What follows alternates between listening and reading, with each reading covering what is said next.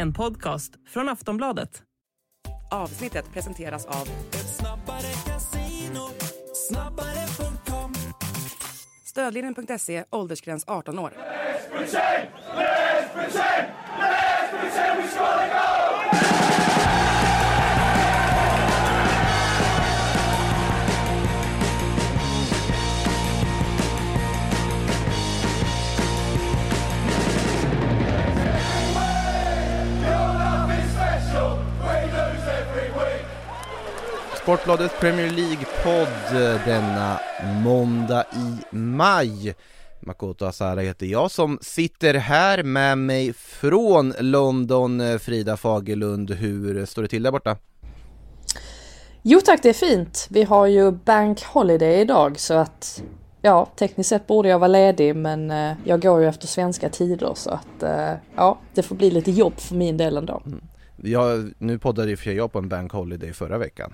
Svensk Bank Holiday ska ju sägas, för första maj. Så att vi, vi kompenserar med varandra här lite kan man väl säga och anpassar efter båda. Eh, ja, var i och för sig Bank Holiday här också då. Ja, det var, ja. första maj är Bank Holiday i England också alltså. Ja, det här var ju en extra eftersom, på grund av kröningen av King Charles. Ja, det kan jag tänka mig att du följde, eller?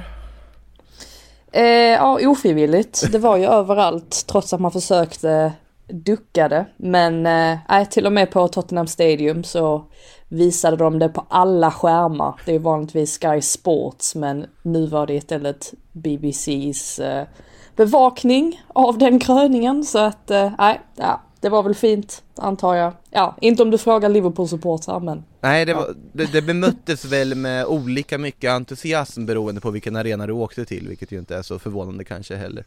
Eh, med det sagt så tycker jag vi drar igång dagens avsnitt och jag tycker vi börjar i Newcastle. Eh, för där var det ett toppmöte som hette duga Newcastle Arsenal 0-2 Arsenal som håller liv i sina titeldrömmar, ja men Newcastle hade en del lägen Frida. Det hade de, vilken match det här mm. var. Det var ju verkligen hög klassig fotboll och väldigt stort underhållningsvärde och dessutom väldigt mycket gruff också, vilket bidrar lite grann också till att det blir, liksom det sprakar ännu mer om en sån här tillställning. Jag tyckte det var intressant på förhand att det, har, det var så mycket snack om det här mötet på St. James's Park förra säsongen som ju slutade med en 2-0 seger till Newcastle. Och det var ju på något sätt den sista luften som gick ur Arsenal för sen tappade de ju den här Champions League-platsen mm. till Tottenham. Och den matchen drogs ju upp väldigt mycket trots att det känns som att ja men det har ändå gått ett helt år, det har hänt så himla mycket i båda klubbarna. Det är ju inte vi är ju inte där nu, alltså båda klubbarna har kommit väldigt långt sen dess, så jag tror att det var Eddie Howe som påtalade det också, att man kan inte gå tillbaka och titta på den matchen. För att den kommer inte hjälpa en så mycket just eftersom att det har hänt så mycket. Men så visar det sig ju att Mikael Arteta som ju gillar att dra fram eh, ja men eh, gamla tweets som till exempel Ivan Tony har skrivit eller annat för att på något sätt tända sina spelare. Han hade ju plockat fram dokumentärserien All or Nothing och visade just de här klippen på spelarna och hela ledarstaben efter den här 0-2 förlusten då och deras ansikten och hur miserabla de var. Och Aaron Ramsdale menar att det hjälpte de här, att det faktiskt plockade fram någonting ur dem, alltså någon form av attityd och lite extra vilja. Och jag vet inte, han var i alla fall på topp ju, Aaron mm, Ramsdale, verkligen. liksom Nick Pope också i Newcastles mål. Så att ja, det verkade ha, ha hjälpt de här helt enkelt. De måste ju ha tänkt det när de såg klippen från All or Nothing att alltså om inte vi skärper oss nu så kommer den där glödlampan fram igen. Så vi måste, måste leverera för att undvika den ja. ännu en gång. Ja, de här se seriefigurerna som man ritade upp av hjärnan och hjärtat ja, och det, allt vad han har för sig. Han har verkligen, han har verkligen speciella tränarmetoder eller ledarmetoder, eh, Mikael Arteta. Men uppenbarligen fungerade det ju här i alla fall och dessutom så vann de ju också mot Chelsea så att nu är de på något sätt på banan igen efter den där hemska förlusten mot Manchester City. För att det var ju verkligen, ja, det var ju verkligen ett statement från Man City i den matchen. Men nu på något sätt har de hittat tillbaka till sig själva. Och tycker också att Jorginho ska få en shout-out för att eh, ja, det var Martin Ödegaard som stal rubrikerna. Men jag tyckte att Jorginho verkligen visade vad han kan göra med sitt lugn med bollen. Och ah, han bidrar ju ändå med, med någonting annat jämfört med de andra mittfältarna de har. Han har ju varit lyckad på, alltså i den rollen man tänkte att han skulle ha som någon sorts komplement och backup när det behövs. Så han har ju inte gjort bort det någon gång egentligen när han har fått eh, möjligheten att spela. Nej, och det var ju verkligen på tiden också. Väl. Tycker ju att Partey har ju inte sett ut som sitt gamla vanliga jag. Och det var ju samma sak med Ödegård egentligen fram till mm. matchen mot Chelsea där han verkligen kom till sin rätt. Och han fick göra de här diagonala löpningarna två gånger om som han ju älskar. Eh, när han kunde dra in två mål. Och det är ju också det där med att om man kikar på hur många mål Arsenal-spelarna har gjort så visst, Jesus har inte öst in mål, men de har ju väldigt många spelare som har gjort mm. många mål. Och Martin Ödegaard är ju en av dem, han står väl på 15 mål mm. nu. Det är lika många som Martinelli i ligan. Precis, och eh, det är väldigt imponerande mm. för en mittfältare. Men ja, som sagt, Martin Ödegaard han gillar ju att komma i de ytorna där, alltså från sin högerposition då, när han liksom kliver in mm. diagonalt så att han får slå till med vänsterfoten, för han är ju väldigt vänsterfotad. Han gillar inte riktigt att, mm. att avsluta med högerfoten. Nej, och eh, Ödegård som gick vinnande ur den skandinaviska kampen som det här blev också i och med att på andra sidan stod Alexander Isak från start eh, Tillsammans med Callum Wilson i en startelva den här gången också, vi har ju efterfrågat lite det att se de två tillsammans, vad tycker du vi fick för resultat av, av det?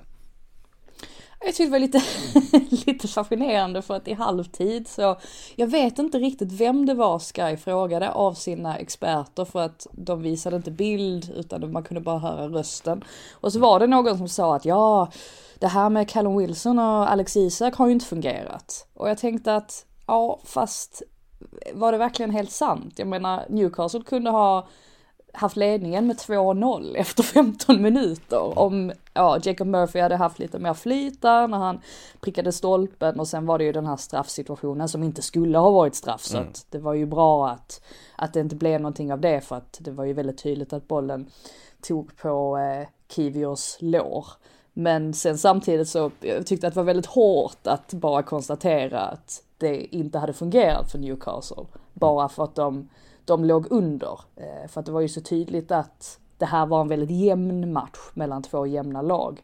Och jag tror att dels att kunna ha då Callum Wilson, han var ju inte lika involverad som Alex Isak. Jag tyckte att Isak hade ett par aktioner som verkligen visade på hans tekniska briljans också.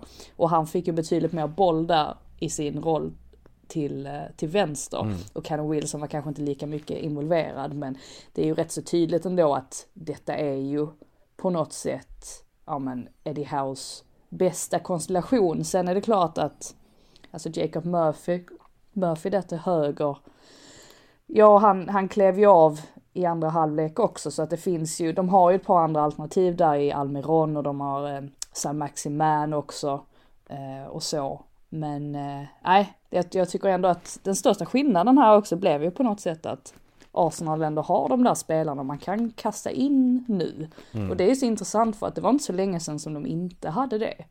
Men nu, ja, efter att de värvade in Trossard och Jorginho så fick de på något sätt ett, ja, alltså det, det stabiliserades ändå på något sätt och alltså just deras truppbredd så att där hade de ju verkligen också ett, eh, ett S i rockärmen får man säga. Ryan Reynolds here from Mint Mobile. With the price of just about everything going up during inflation, we thought we'd bring our prices down. So to help us, we brought in a reverse auctioneer, which is apparently a thing. Mint Mobile unlimited premium wireless. Ready to get 30, 30, bit to get 30, bit to get 20, 20, 20, bit to get 20, 20, bit to get 15, 15, 15, 15 just 15 bucks a month. So, Give it a try at mintmobile.com/switch. slash $45 up front for 3 months plus taxes and fees. Promo rate for new customers for limited time. Unlimited more than 40 gigabytes per month slows. Full terms at mintmobile.com. 2-0 vann de med alltså då och håller sina titeldrömmar vid liv. Eh, de är ju dock beroende av att ett annat lag går på några nitar, vi kommer till det här laget lite senare men först så tycker jag att vi kikar lite på kampen kring Champions League-platserna. Newcastle har förlorat här men har fortfarande väldigt bra utgångsläge inför slutspurten av den här serien att norpa en topp 4-placering. Frågan är, håller Manchester United på att tappa sin tidigare solklara Champions League-plats? För nu är det ju två raka förluster man har eh, fått här sen vi poddade senast. Eh, 0-1 mot Brighton i torsdags när eh, Alexis McAllister väldigt sent på en straff avgjorde i Brightons favör och nu då en 1-0 förlust mot West Ham där eh, Benramas Ben Ramas skott hittade in via David de Gea och eh, blev matchens enda mål där. Ja, Frida, är det läge att oroa sig på Old Trafford?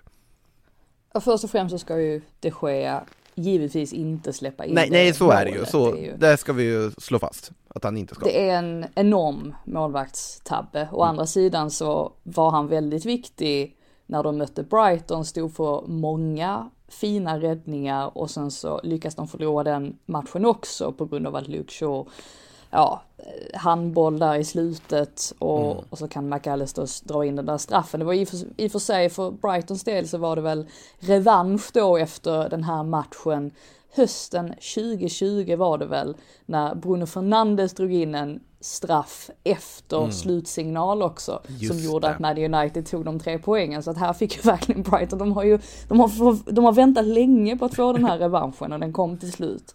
Men nej, jag tycker väl framförallt här i mötet med West Ham att man slås av hur energin bara försvann efter ett tag. Det var inte som att Manchester United var usla rakt igenom i den här matchen, men att West Ham hade så mycket mer vilja.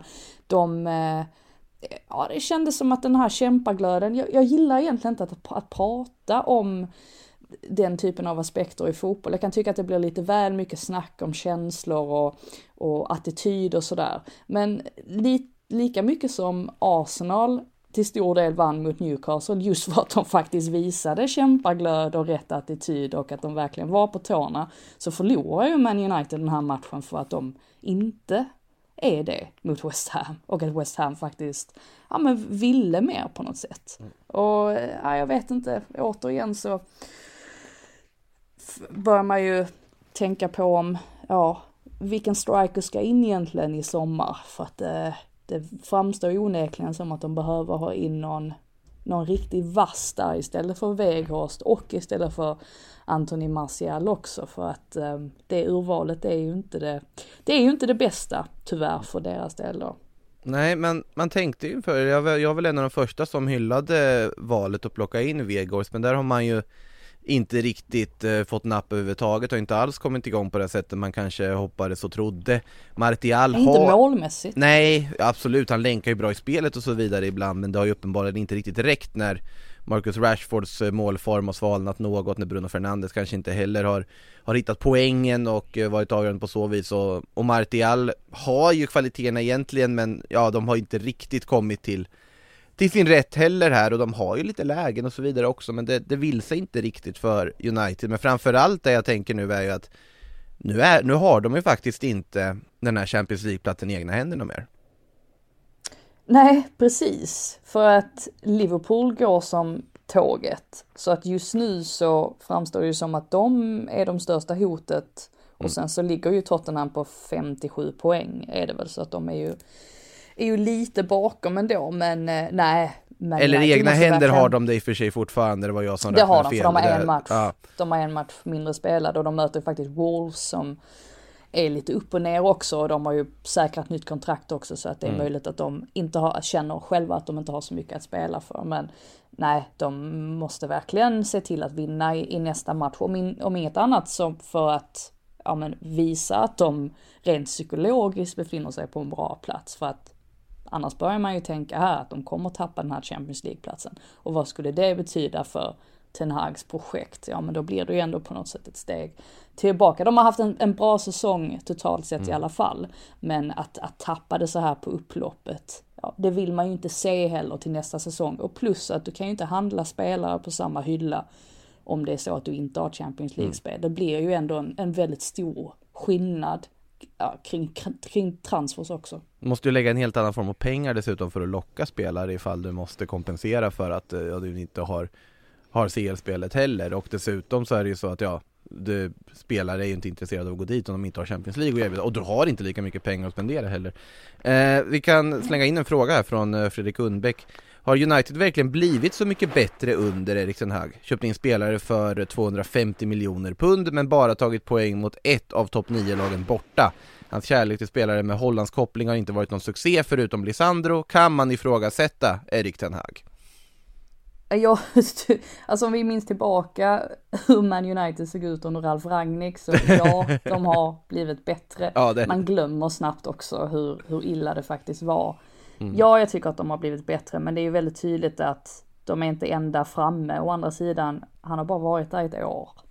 Så att Mm. han, det är väl självklart att Erik Ten Hag måste få mer tid på sig. Nu är de ju i fa Cup-final dessutom så skulle det vara att de plockar en Champions League-plats, de kanske till och med tar hem FA-cupen, vem vet? Ja men då står de på två titlar den här säsongen Mm. och plus en Champions League-plats. Det måste man ju verkligen se som högst godkänt. Ja, det är en, det är en Eh, jättelyckad säsong för, för Uniteds del utan tvekan.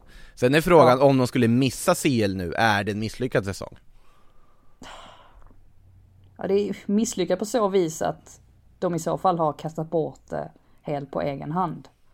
Ehm, Det är ju uppenbart att de fortfarande har någon sorts ah, mental hållhake. Ehm, Om man ser till vad för typ av match. De kan ju inte riktigt hantera heller, tycker jag i alla fall, när det går lite dåligt. Att de har, de har svårt för att hantera den typen av situationer. Om man såg exempelvis i mötet med Liverpool när de kollapsar totalt och ja, det, det, det var ju alldeles för många baklängesmål sett till vad statistiken eh, berättade för oss egentligen, alltså sett till hur många avslut Liverpool hade på mål. Men samtidigt så var det en sån där situation där man kände att Man United har ingen aning om vad de ska göra när, det börjar, när de börjar släppa in mål. Att det är som att de nästan fryser fast. Eh, och jag tycker väl på något sätt att det är någonting de de måste utveckla och de, de måste hitta nya vägar kring att just hantera den typen av motgångar. Men eh, nej, det är upp till bevis här mot, mot Wolves nu, eh, definitivt. Men å andra sidan så måste man ju passa på att hylla West Ham Ja, också för att verkligen. det här var en väldigt bra insats eh, från, från deras sida. Inte minst Declan Rice som verkligen styrde det där mittfältet. Väldigt fina bilder efter matchen också när Declan Rice träffar en ung, ung ledsen supporter på sidan och, och ger honom eh, sin tröja och annat som dök upp i...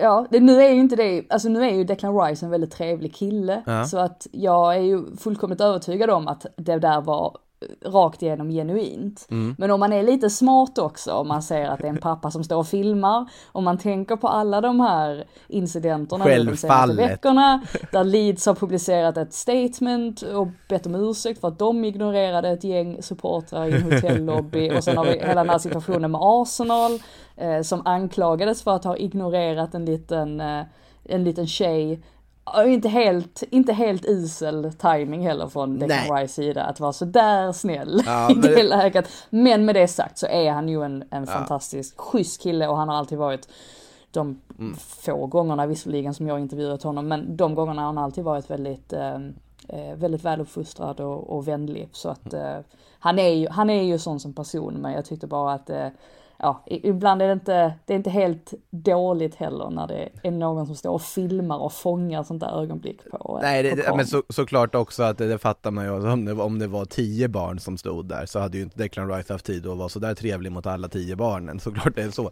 Sen, sen tycker jag man kan höra ibland, som, som du säger också, att på vissa, vissa spelare bara, det är svårt att sätta fingret på, men det är någonting som får att det verkar genuint, och i Declan Rice fall tyckte jag det verkligen kändes väldigt genuint. Eh, hans reaktion i alla fall. Sen att det var stageat för att sätta honom i situationen, det är en annan sak. Nej, inte, inte, inte stageat, men det är mest att man, eh, det är så kul med engelsmän också att de, de bryr sig så himla mycket om sånt här. Alltså det är så himla viktigt för dem hur man bemöter supportrar och hur, Ja, ja. hur man beter sig om man är artig och, och hövlig och, och så. Och eh, jag tycker att detta är ännu ett exempel på att de, de fullkomligt älskar den här typen av interaktioner mellan spelare och, och barn framförallt. Och det kan man ju hålla med om att det var, det var en väldigt fin gest av Rice, särskilt eftersom att han hade lovat bort sin tröja också till Marcus Rashford. Mhm. Det blev inget, eh, blev inget med det. Nej, Men han- nej, en, en, en, en bra insats från, från West Ham verkligen. Och eh, tycker en sån som eh, Paketa är jättebra i den här matchen och Ben Rama har ju verkligen fått eh, han har ju fått nytt självförtroende också. Jag vet att David Moyes pratade om det för ett par veckor sedan, kan till och med vara månader sedan. Man, man minns ju ingenting längre, alla veckor går ihop. Men Japp. då sa han ju just det här att, att Ben Rama inte hade varit tillräckligt jämn i sina insatser. Att han är alldeles för mycket att, ja men han gör några mål här och där och sen har han en måltorka på ett par veckor och sen händer det igen. Och jag tycker väl någonstans att Ben Rama har hittat den här jämnheten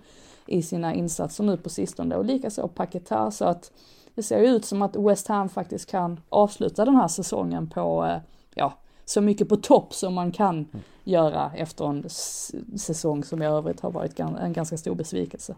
Nu är det inte matematiskt säkrat men alltså jag tycker om man ser till vad de andra lagen under dem håller på med så känns det ju nästan som att det här var en sån seger som ändå lyfter dem till att kunna jobba med betydligt mindre press och stress under slutomgångarna i alla fall.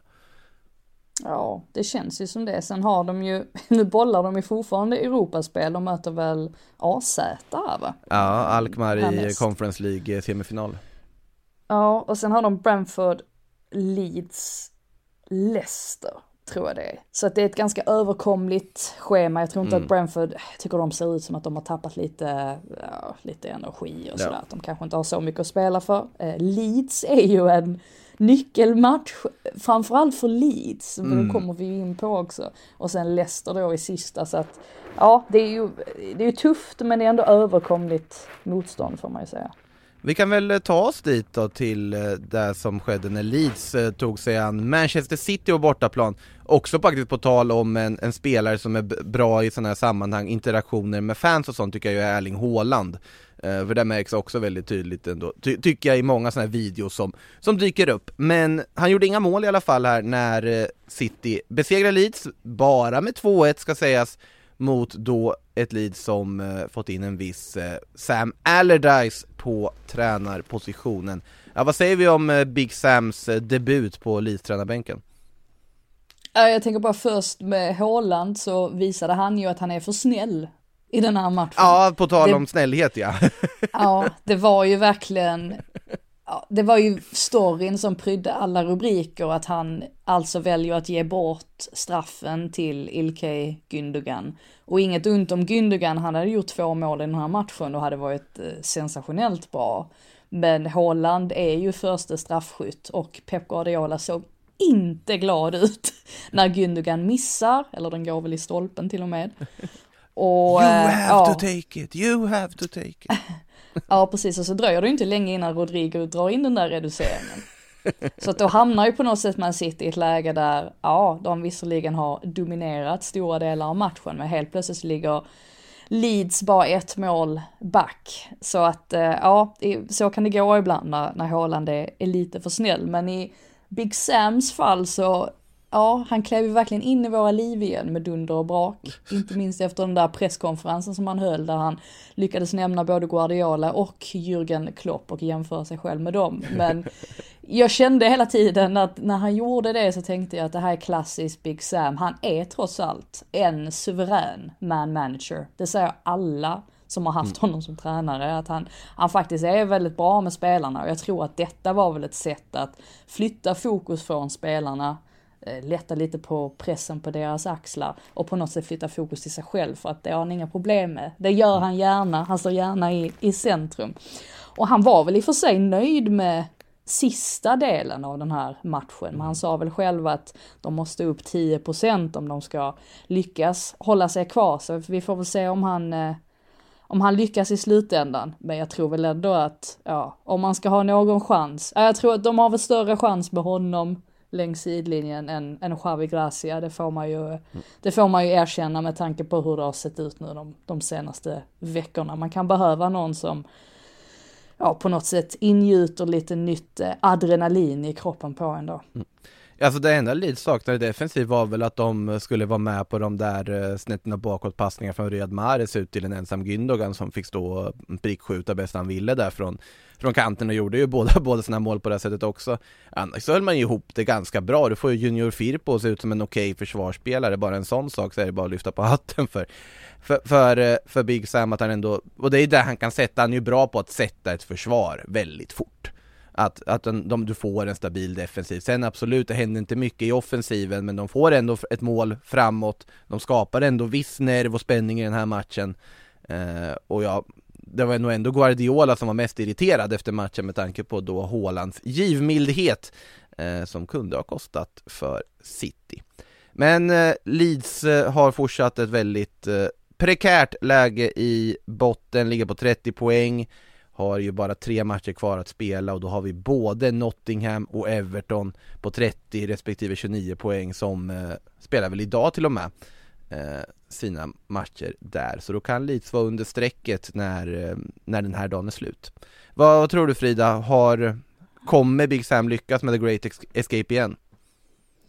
Jag tror att det blir tufft just på grund av deras, deras spelschema. Jag mm. vet faktiskt inte. Jag, det är så himla svårt att um, ja, det är så himla svårt att säga kring just eftersom att det är så tätt där nere. Man får väl avvakta först och främst matcherna som spelas idag. Mm. Och sen vet vi ju lite mer, men skulle Everton, nu är ju Brighton klar favorit i den matchen, men skulle Everton gå och vinna den matchen av någon outgrundlig anledning, ja, då, då helt plötsligt har vi en helt annan situation. Så att mm det är ju, nej, äh, det är verkligen tätt där nere. Det är, det är väldigt, väldigt ångestfyllt, man är glad över att man inte själv är, är inblandad i det.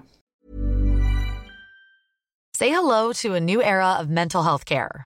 Cerebral is here to help you achieve your mental wellness goals with professional therapy and medication management support. 100% online.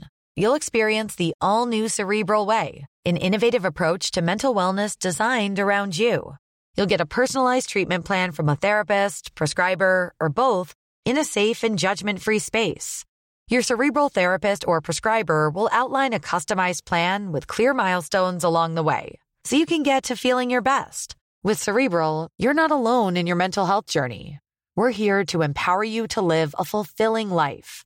So take that first step towards a brighter future and sign up today at cerebral.com slash podcast and use code ACasts to get 15% off your first month. Offer only valid on monthly plans. Other exclusions may apply. Offer ends July 31st, 2024. See site for details.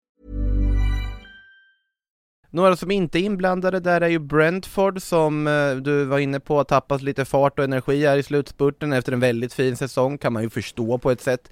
De hade inte mycket att sätta emot i alla fall när man mötte Liverpool eh, Ett Liverpool som eh, fortsätter att rada upp segrar här ändå och har ju faktiskt gett sig själva i högsta grad eh, chansen att eh, slåss om den här CL-platsen hela vägen in i kaklet. Ja, och Salah historiskt också. Han mm. har ju kommit in i ett riktigt målstim när det verkligen behövs som mest. Jag tror det var Klopp själv som sa att det här är ingen, ingen match man eh, berätta för barnbarnen om och det har han kanske rätt i. Mm. och eh, Thomas Frank känner väl också att de saknade den här sista lilla kvaliteten som krävs för att man ska få med sig någonting mot Liverpool men en väldigt, eh, väldigt viktig seger för Liverpool och också det här att de nu har kommit in i en, eh, i en sån här svit. Mm. Vilket får en att tro att de eh, ja, de verkligen har fått momentumet på sin sida när de behöver det som mest och att den där Champions League-platsen som såg förlorad ut, den är ju inte förlorad än. Visst, det hänger på att Man United ska fortsätta vara lite formsvaga, men ja, det ser ju bättre ut än vad man hade trott för eh, någon månad sedan i alla fall. Ja men bara, bara faktumet att de har två, alltså 1-0 segrar, det var ju sånt som Liverpool inte kunde ta i tidigare i säsongen som man gör och sen liksom på något sätt stabilt avfärdar och bara radar upp rutinsegrar och det bådar ju väldigt gott för dem inför fortsättningen där. och framförallt då såklart att Salah öser in mål, han har ju gjort ganska många mål där även fast man pratar om att han inte varit sig själv den här säsongen så, så har han ju fortfarande levererat på en väldigt, väldigt hög nivå rakt igenom eh, men ja, som sagt, Liverpool, eh, finns det något mer att säga om det egentligen? De, de gör ju det de ska. Ja, alltså också det här att de, ja plus att de möter ju Southampton i sista omgången. Så där kan man väl tänka sig att Southampton redan kommer vara mm. degraderade. Mm. Så att det möjligtvis kan vara ja, man ska aldrig säga tre enkla poäng, men eh, att det möjligtvis kan vara en eh, väldigt stor chans i alla fall att få med sig de tre poängen. Nej, men jag tycker, eh, jag tycker väl på något sätt att de har hittat tillbaka lite till sig själva nu ändå, Liverpool. Och det är ju, alltså dels på grund av den här rollen då som Alexander Arnold har fått som innebär att, att han på något sätt blir involverad i spelet betydligt bättre jämfört med vad vi har sett under stora delar av säsongen. Det enda är väl, alltså som man tänker med Darwin då, Nunez, som ja, men fortfarande missar lite för mycket, men å andra sidan så visar han hela tiden att det finns väldigt goda tendenser och att jag tror att så länge man tar rätt löpningar som han gör, alltså han har, han har ju den biten i ryggmärgen så tror jag att det här med målskyttet, det kommer på något sätt falla på plats ja, och nästa säsong möjligtvis då. Att han på något sätt kommer producera eh, ännu fler mål så att nej, det är rätt så positivt för, för Liverpools del just nu. Ett Liverpool som alltså är en poäng bakom United med en match mer spelad och de har ju dessutom ganska god målskillnadsfördel på just United, bland annat med tanke på vad de besegrade just United med tidigare under säsongen, det var ganska många mål där. Eh, ska vi ta oss till Tottenham Stadium, för det var ju du i helgen Frida, Ja, det var jag. eh, och fick Där- se en annan spelare som gillar att göra mål. Ja men precis. Där sjöng de eh, nationalsången, så mycket kan jag säga. Eh, tyckte även det var slående på eh, London Stadium under gårdagen. Herregud vad alla sjöng. Alltså det var som att, alltså antingen, ja, det är intressant det där bara med att eh, antingen är man väldigt mycket för eller så är man väldigt mycket mot kungafamiljen här. Men eh, Liverpool-supportrarna de har verkligen sina anledningar till Ja. att eh, känna sig åsidosatta av eh, Och de, var- de sjöng inte nationalsången. Nej, alltså Jordan Henderson, han försökte ju väldigt tappert och jag såg att det ryckte lite i mungiporna på Trent och att han funderade på, ska jag mima lite här? Och sen var det som att han bestämde sig för att nej, det ska jag nog inte göra, det är nog bäst att stå på folkets sida här. Här, här, här är ju Eh. en fördel, jag tänkte på det när vi, när vi sände spansk cupfinal här i helgen, där man också kör nationalsång mellan dessutom ett ja, huvudstadslag och ett baskiskt lag. Spanien har, har ju nationalsång utan text. Så du får Mm. aldrig den problematiken att du tittar på vilka spelare som sjunger eller inte, för ingen sjunger. Det är vissa som buar Nej, och vissa som precis. jublar istället. Och det är ju verkligen ett splittrat, splittrat land, Ja. får man ju säga. Verkligen. Eh, Eh, nej, det är bara, eller bara, men det, det, är, fram, det är ju framförallt Liverpool eh, Mm. som, eh, ja, de har, inte, de har inte blivit behandlade rättvist genom åren. Så att därav då att de använder det här som en sorts protestaktion. Och Mm. Det kan man tycka vad man vill om, men så är det helt enkelt. Eh, här i alla fall i London så, alltså det, för det första så regnade det så mycket i lördags. Det var, på fredag kväll var det st- strålande solsken, superfint. Eh, söndagen var det jättefint, igår var årets varmaste dag. idag är det jättefint var- förmodar jag också. Ja, Såklart lördagen det, så ja. öste det ner. Det öste ner. Det regnade så mycket och du vet det regnade och Crystal Palace såg ut som ett lag som är klara för säsongen och det var Som de så ofta den gör vid den här tidpunkten på året.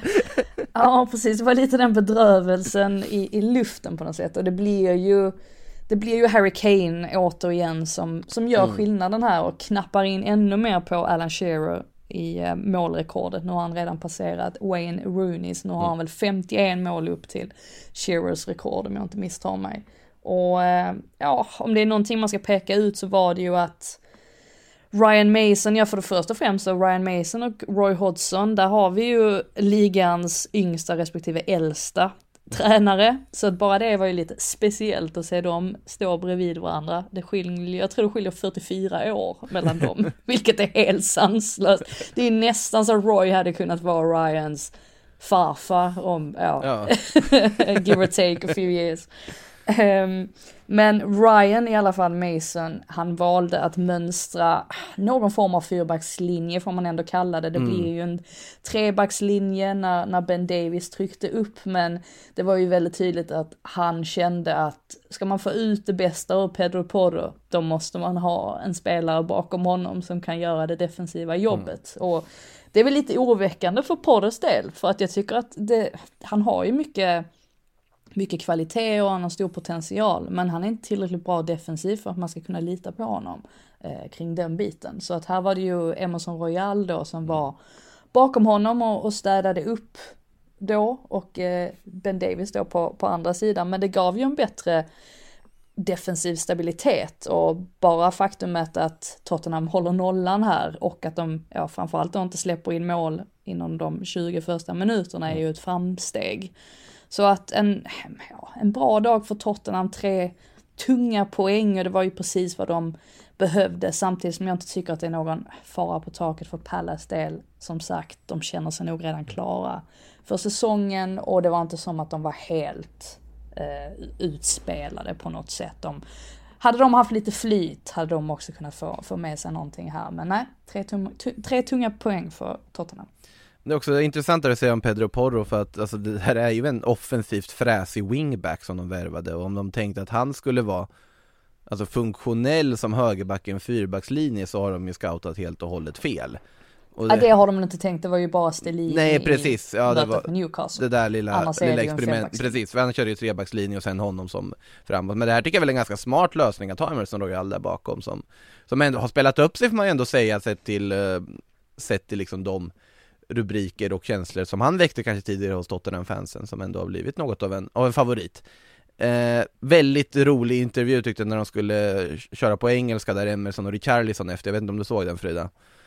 Nej, det gjorde jag Nej, inte. Det var väldigt tydligt att Emerson Royal hade övat in en specifik fras för att hylla Harry Kane, jag minns inte exakt vad det var, men han sa den flera gånger på engelska och toksågade han Richarlisons eh, försök till att prata engelska som, han, han, kämpade på där i alla fall. Var väldigt, väldigt mysig ah. eh, liten intervju som, när de hyllade då sin lagkamrat efter att ha gjort ännu ett mål.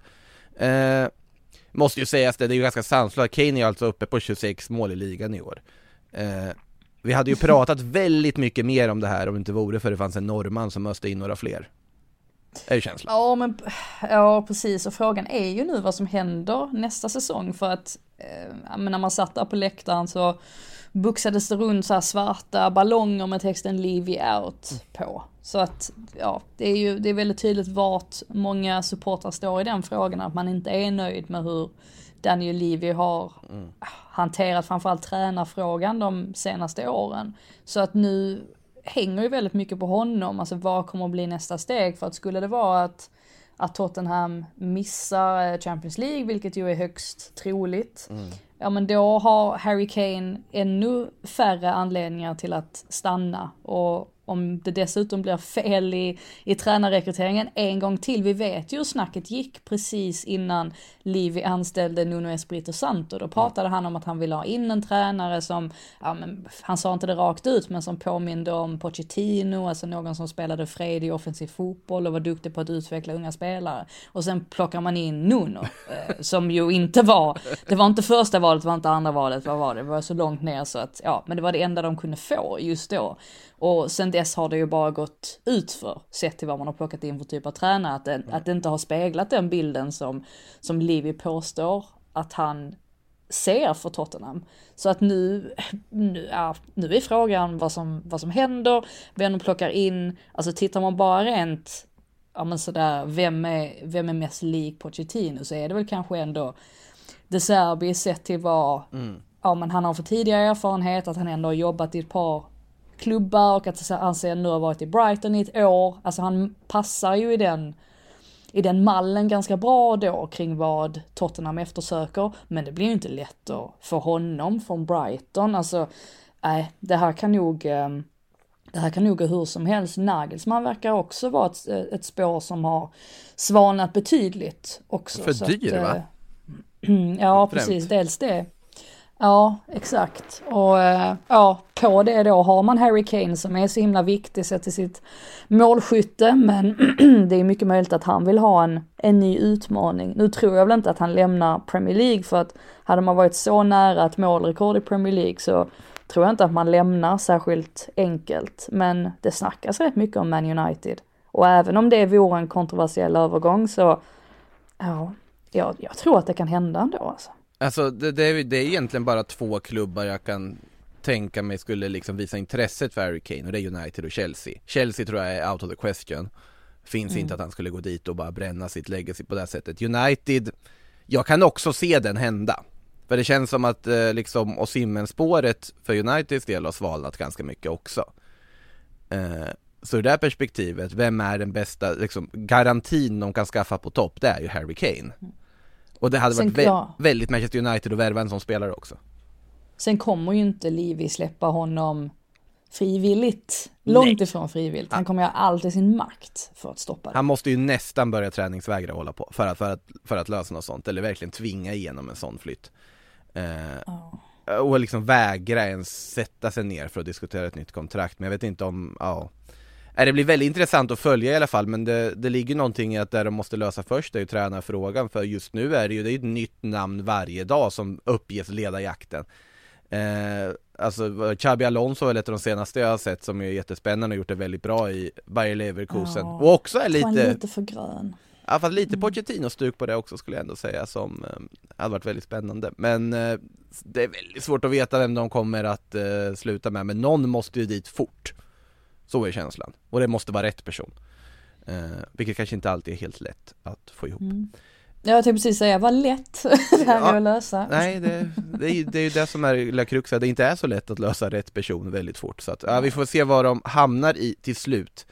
Eh, I en annan del av eh, London så firar man att Premier League-kontraktet är säkrat. Eh, för det är det för Chelsea som vann under Frank Lampard. Det vart ingen 007 för, eh, för Frank för att de lyckades besegra Bournemouth på Vitality Stadium med 3-1.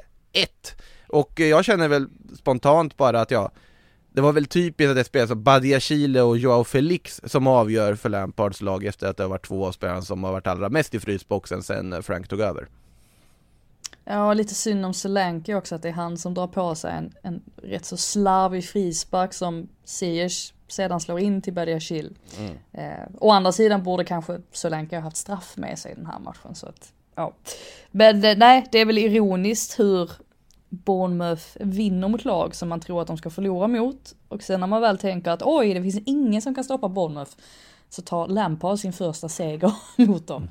Eh, jag vet inte riktigt vad jag har eh, Bournemouth, men jag tycker väl också att det visar att de på något sätt överträffar förväntningarna hela tiden, eller att de, de presterar över, sett över hela säsongen så har de presterat, överpresterat jämfört med vad de har för kvalitet i sin, i sin trupp. Så mycket kan man säga.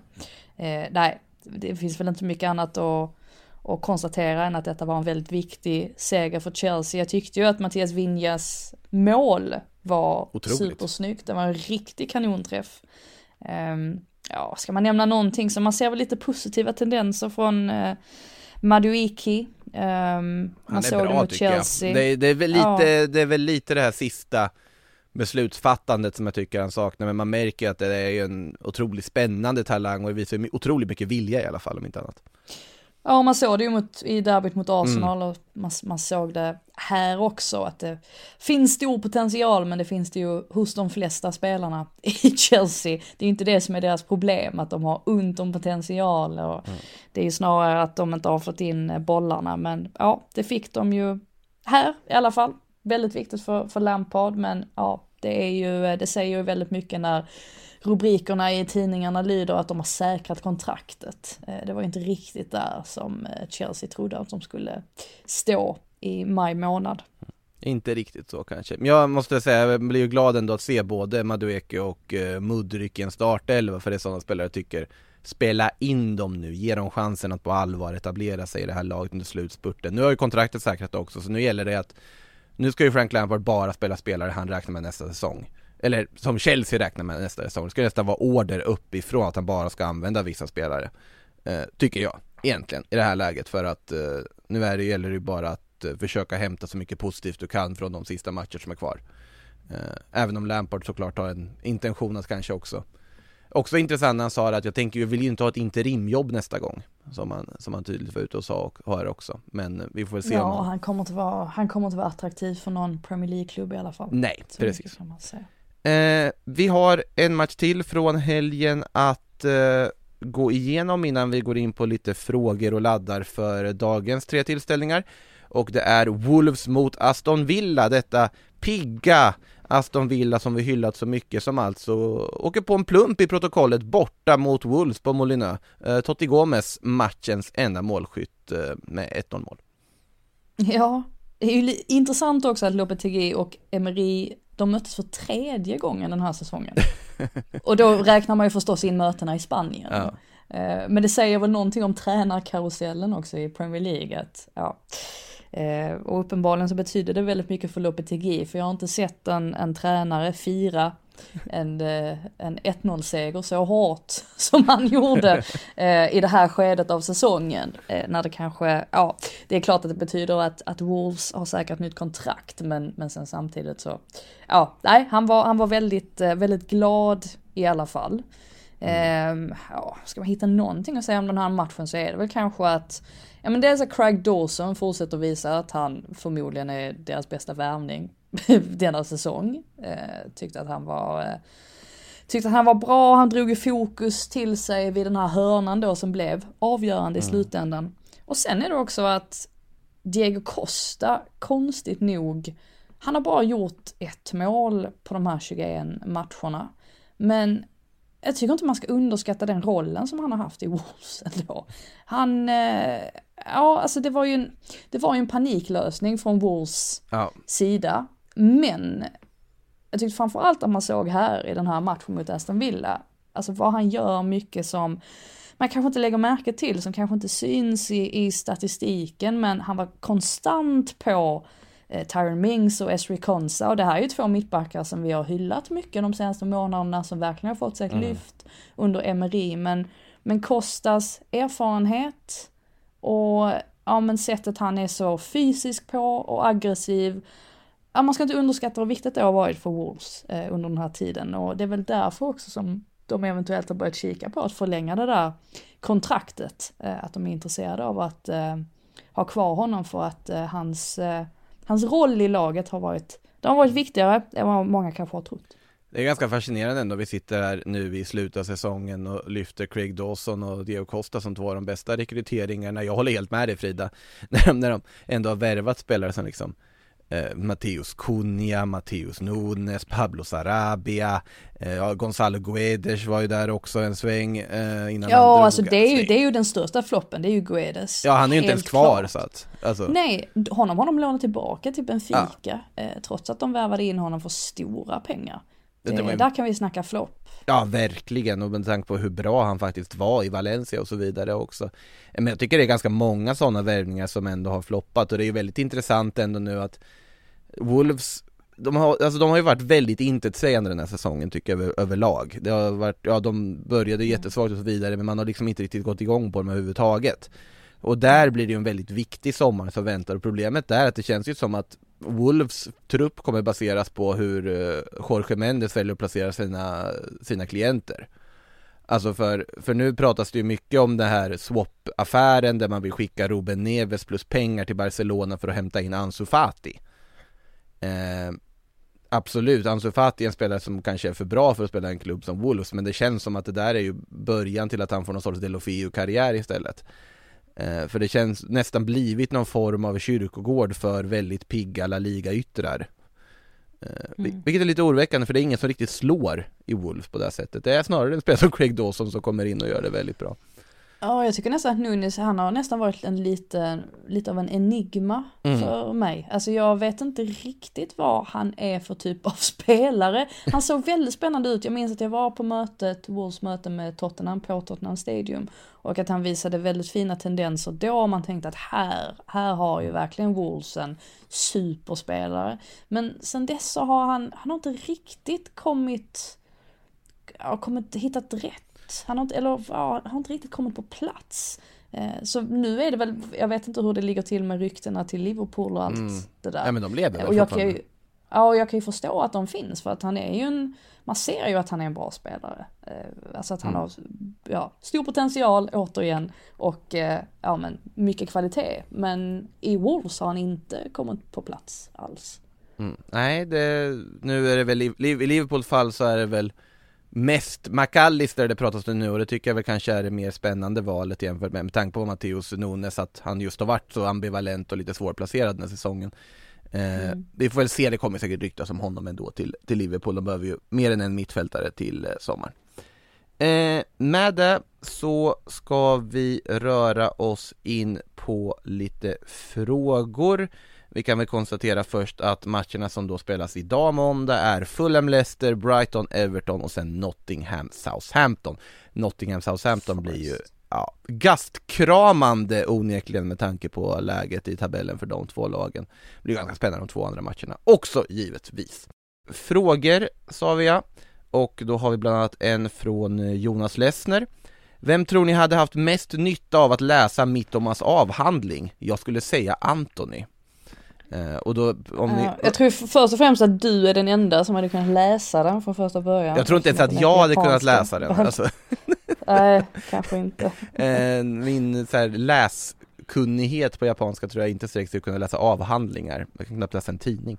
Eh, men, eh, det, men absolut, men att säga att den var översatt till engelska, då pratar vi alltså om Brighton-yttern Kauru Mittomas avhandling om dribbling när han satte GoPro-kameror på folk och, och ty- tydde olika saker. Eh, han, han, är, Alltså, det, ja, förlåt, fortsätt. Nej, han har ju själv pratat ner det där dock och sagt det, men alltså ni, ni har liksom lagt för mycket kraft på det här med att jag gjort en avhandling om dribbling. Jag skrev ju bara den för att jag bara skulle hitta något ämne som jag snabbt skulle kunna få en godkänd uppsats på. Det finns ingen liksom ambition bakom det här, vad jag redan har förklarat själv. men, Han, han, han, han tänker exakt som 99% av alla universitetsstudenter troligtvis jag ville bara ha ett ämne att få godkänt på. Det är inte som att jag har använt någonting av det här när jag spelar, säger han. Det. Men det som är, om, om nu Anthony faktiskt ska lära sig någonting av Mittoma, så är det väl just det här att medan Anthony, vi vet vad han kommer göra när han får bollen på högerkanten, han kommer vika inåt. Men med Mittoma vet man aldrig vad som kommer hända. Han, kan, han kan gå, eh, alltså vika, vika utåt, han kan vika inåt, han kan göra precis vad som helst och det är ju det som är hans absolut största styrka, att försvararna aldrig vet vad som kommer hända när han kommer farande. Och med Anthony är problemet att man alltid vet vad som kommer hända. Det, det, alltså det krävs att det finns vissa spelare som kommer undan på att göra samma sak gång ut och gång in och du går, motståndaren går på det varje gång. Tänkte säga Arjen Robben. Om Arjen Robben fick bollen på kanten och visste man vad han kommer göra. Men ingen kunde stoppa honom ändå för att han är så otroligt skicklig på just det där. Att göra just den saken i rätt sekund, i ett ögonblick att göra den rörelsen. Eh, Antoni måste väl finslipa just det han är bra på på något sätt egentligen för att eh, det blir nog svårt om man ska plötsligt börja göra massa andra saker. Tänker jag. Men, eh, ja, nej det, jag vet inte, är det någon annan som behöver en dribblings, eh, dribblingsutbildning? Eh, jag vet inte, alltså nu det första som poppar upp i huvudet är att jag, jag satt och jämförde stats mellan Isak och Haaland inför den här helgen för att det är intressant, de är båda två strikers fast på väldigt olika sätt. Ja. Och där är det ju väldigt tydligt att om det är någonting, eh, eller något område där Isak har övertaget jämfört med Haaland så är det ju definitivt dribblingar. Ja. Eh, Isak dribblar betydligt mer än vad Haaland gör och eh, ja, alltså han, han lyckas med sina dribblingar också. Så att ja, om nu Haaland ska bli ännu bättre så kanske han ska, ska lära sig och dribbla lite bättre också.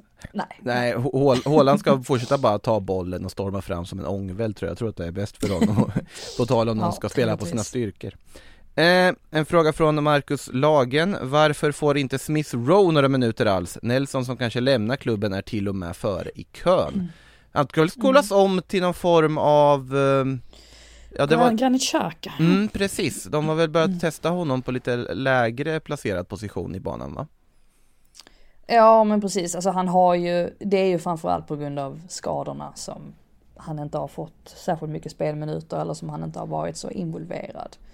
Ehm, ja, alltså det, det som är fascinerande är ju att om jag inte minns helt fel så var ju Smith Rowe den som gjorde näst flest mål i Arsenal förra säsongen. Ehm, jag kanske bara fått för mig det men jag har en känsla av att det är sant. Han gjorde väldigt många mål förra säsongen ja Ja, och ehm, ja, nej, det är väl eh, framförallt då skadorna som har... Oj! Är det Oj, Brandlarmet? brandlarm. Ja, men det slutade nu. Gud, jag vet inte vad som hände. Ja, han kanske lagar mat. Ja. Jösses. Usch, gud vad rädd jag blev. Åh, mitt hjärta Ja, jag tänkte att jag först att det var någonting här inne i studion Jag bara, Ja, gud, åh jösses vad är det med. Eh, ja, nej men Smith Rowe, det är väl en förklaring i alla fall att han, ja, eh, att han eh, helt enkelt har eh, har haft mycket skador och har haft svårt att komma in i det på grund av, på grund av detta också. Eh, fråga från Simon Stjärnered, de Gea, sälj eller behåll? Sälj tror jag inte man kan göra eftersom kontraktet går ut, men det är väl Nej. släpp eller behåll då som är frågan. Alltså, ja det sker, det är ju svårt. Han är ju en, han är ju en grym målvakt. Mm. Egentligen. Ja, Alltså på, i, in, inom, precis, det är precis så. inom, ja, inom många plan. Sen å andra sidan, jag tror jag läste någonstans att han har orsakat fyra mål då på egen hand. Mm. Och det är flest av alla i hela Premier League. Alltså, och eh, jag tror att eh, Hugo eh, Lloris hade också fyra. Mm. Så det var de två som hade flest.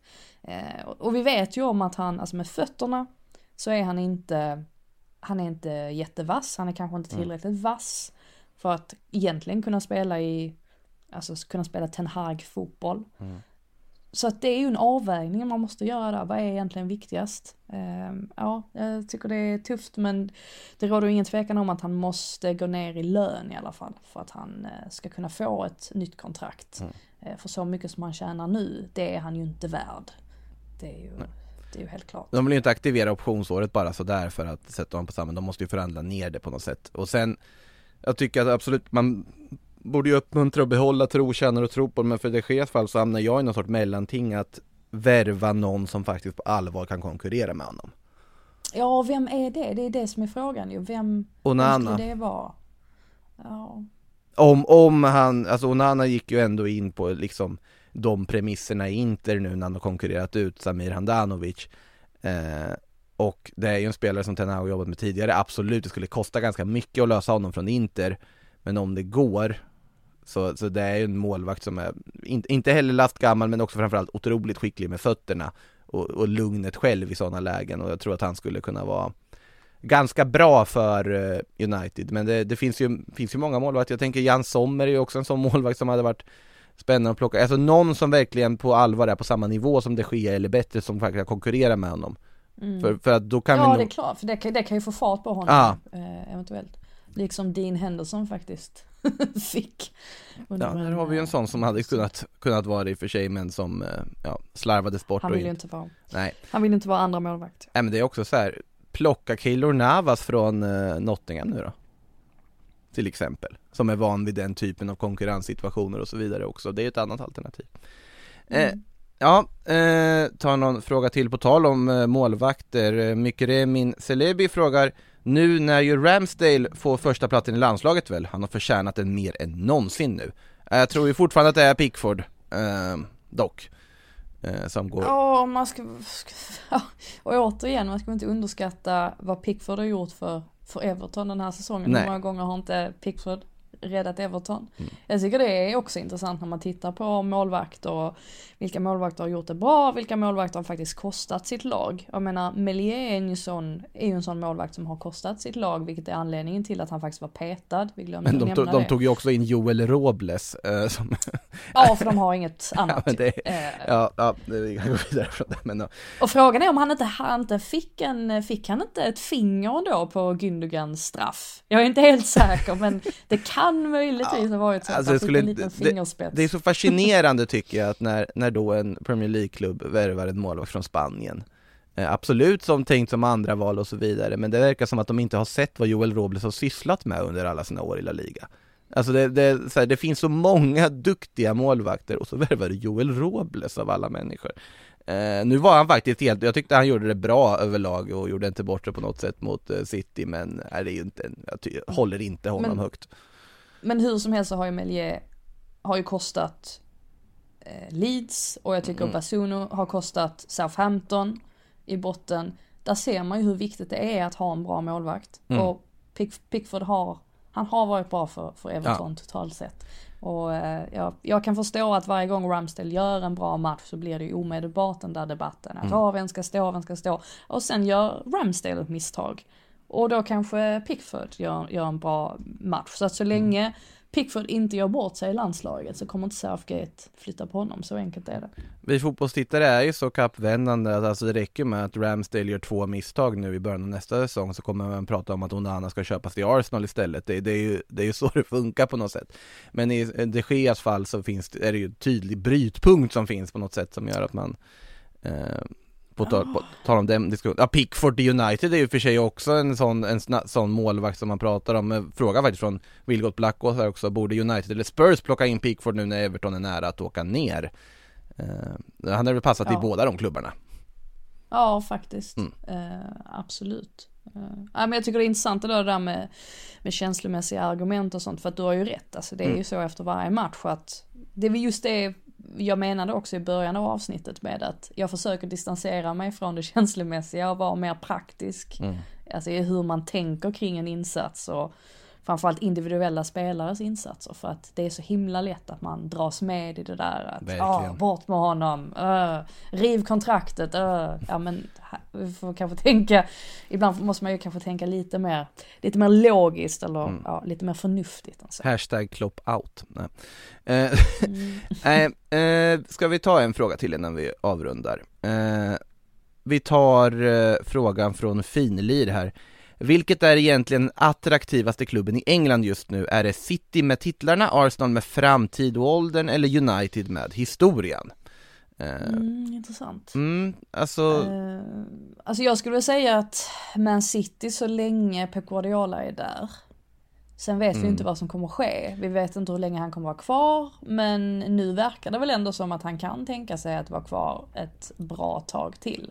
Och då är väl Man City, ja, med tanke på hur många titlar de utmanar om så är väl de den mest, och plus också måste jag nämna, jag vet att det är mycket så att man häcklar eh, Etihad Stadium och, och Man City supportar mycket för ja det är som ett bibliotek där inne och, och bla bla bla. Det har blivit mycket bättre. Alltså de senaste mm. säsongerna så har det faktiskt eh, Ja man märker att stödet är på en, det är på en annan nivå nu i alla fall jämfört med vad det var, vad det var för ett par år sedan. Men med det sagt så har ju Arsenal och Man United har ju historia på ett sätt som Man City inte har och Arsenal är ett ungt lag så jag kan tänka mig att om man är en ung spelare så vill man mer än gärna vara del mm. av det projektet. Um, Man United kommer alltid ha dragningskraft i form av andra anledningar och det är väl just för att det är världens starkaste varumärke. Um, och ja, enorm historia. Så att uh, Ja, Liverpool svårt, vill jag slänga in i, i diskussionen också som jag tycker uh, är relevant att ha med just på historieaspekten och, och allt vad det, och tradition och allt vad, det, vad som är viktiga. De, de faktorerna kommer alltid väga väldigt tungt. Sen om man tittar sportligt, om man bortser från allt som pågår utanför planen med eh, Manchester City tänker jag då givetvis både på ägarskap men också såklart på utredningen som är mot dem för eh, ekonomiskt fusk och så vidare så är det ju sportsligt den mest attraktiva klubben att gå till. För det är en klubb som eh, kan vinna titlar, som där kan må ganska bra med varandra och allt därtill. Eh, såklart Arsenal också om du är redo att eh, köra Artetas väg. Alltså både, både City och Arsenal förutsätter ju att du är redo att underkasta dig en tränare på ett sätt som kanske inte gäller med de andra klubbarna. Du... Ja, extra, mm. extra, alltså särskilt i Man City-fallet. Verkligen, verkligen. Jag menar, du, du kan inte räkna med att du ska få spela x antal matcher under en säsong. Det kan bli att Pep vill använda dig en match, det kan bli att han vill använda dig i ja. alla matcher. Det är ju, det är ju, det är ju helt och hållet mm. vad han känner för. Så att det är ju en sån där risk man får ta på något sätt. Att det eventuellt kan bli så. Man får prata med Riyad Mahrez innan man väljer att skriva på för City för att veta hur det känns att bara vara inne och ut ur startelver utan anledning. att, eh. Ja, han, han har ju inte varit helt nöjd. Eh, Nej, det förstår jag men, att han inte eh, har varit. Det är sanslöst att han inte har varit mer Men sen mer samtidigt, ja, hur mycket tjänar man på att göra en Cancelo och gå till Bayern och ja, Alltså mm. hur mycket har han tjänat på det egentligen? Jag menar det ja. Men, men det där är också, så här, riktigt stora klubbar så, så vill du ju vara kvar även fast du inte får spela så mycket. Jag sitter och tänker på nu när eh, Real Madrid vann kuppen i helgen så var det ju jättemånga spelare som plötsligt och i och med att de inte har vunnit kuppen på ett tag ansågs ha liksom completed football och vunnit allting som går att vinna och bland dem finns spelare som Mariano Diaz och Eden Hazard som knappt sett dagsljus i Real Madrid den här säsongen men vägrat lämna och sitter där och bara liksom plockat in lite troféer varje säsong. Och det ser ju väldigt bra ut på CV om inte annat. Ja, trevligt att representera Real Madrid. Ja, det är Jo, he- men helt otroligt att Mariano har vunnit allt som går att vinna faktiskt, men det, det är en helt annan sak. Eh, med det sagt, dags att runda av eh, dagens avsnitt eh, och eh, ladda för det som komma skall i veckan. Eh, stort tack Frida för att du tog dig tid att vara med och stort tack alla lyssnare för ni tog er tid att lyssna. På återhörande med det sagt. Du har lyssnat på en podcast från Aftonbladet. Ansvarig utgivare är Lena K Samuelsson.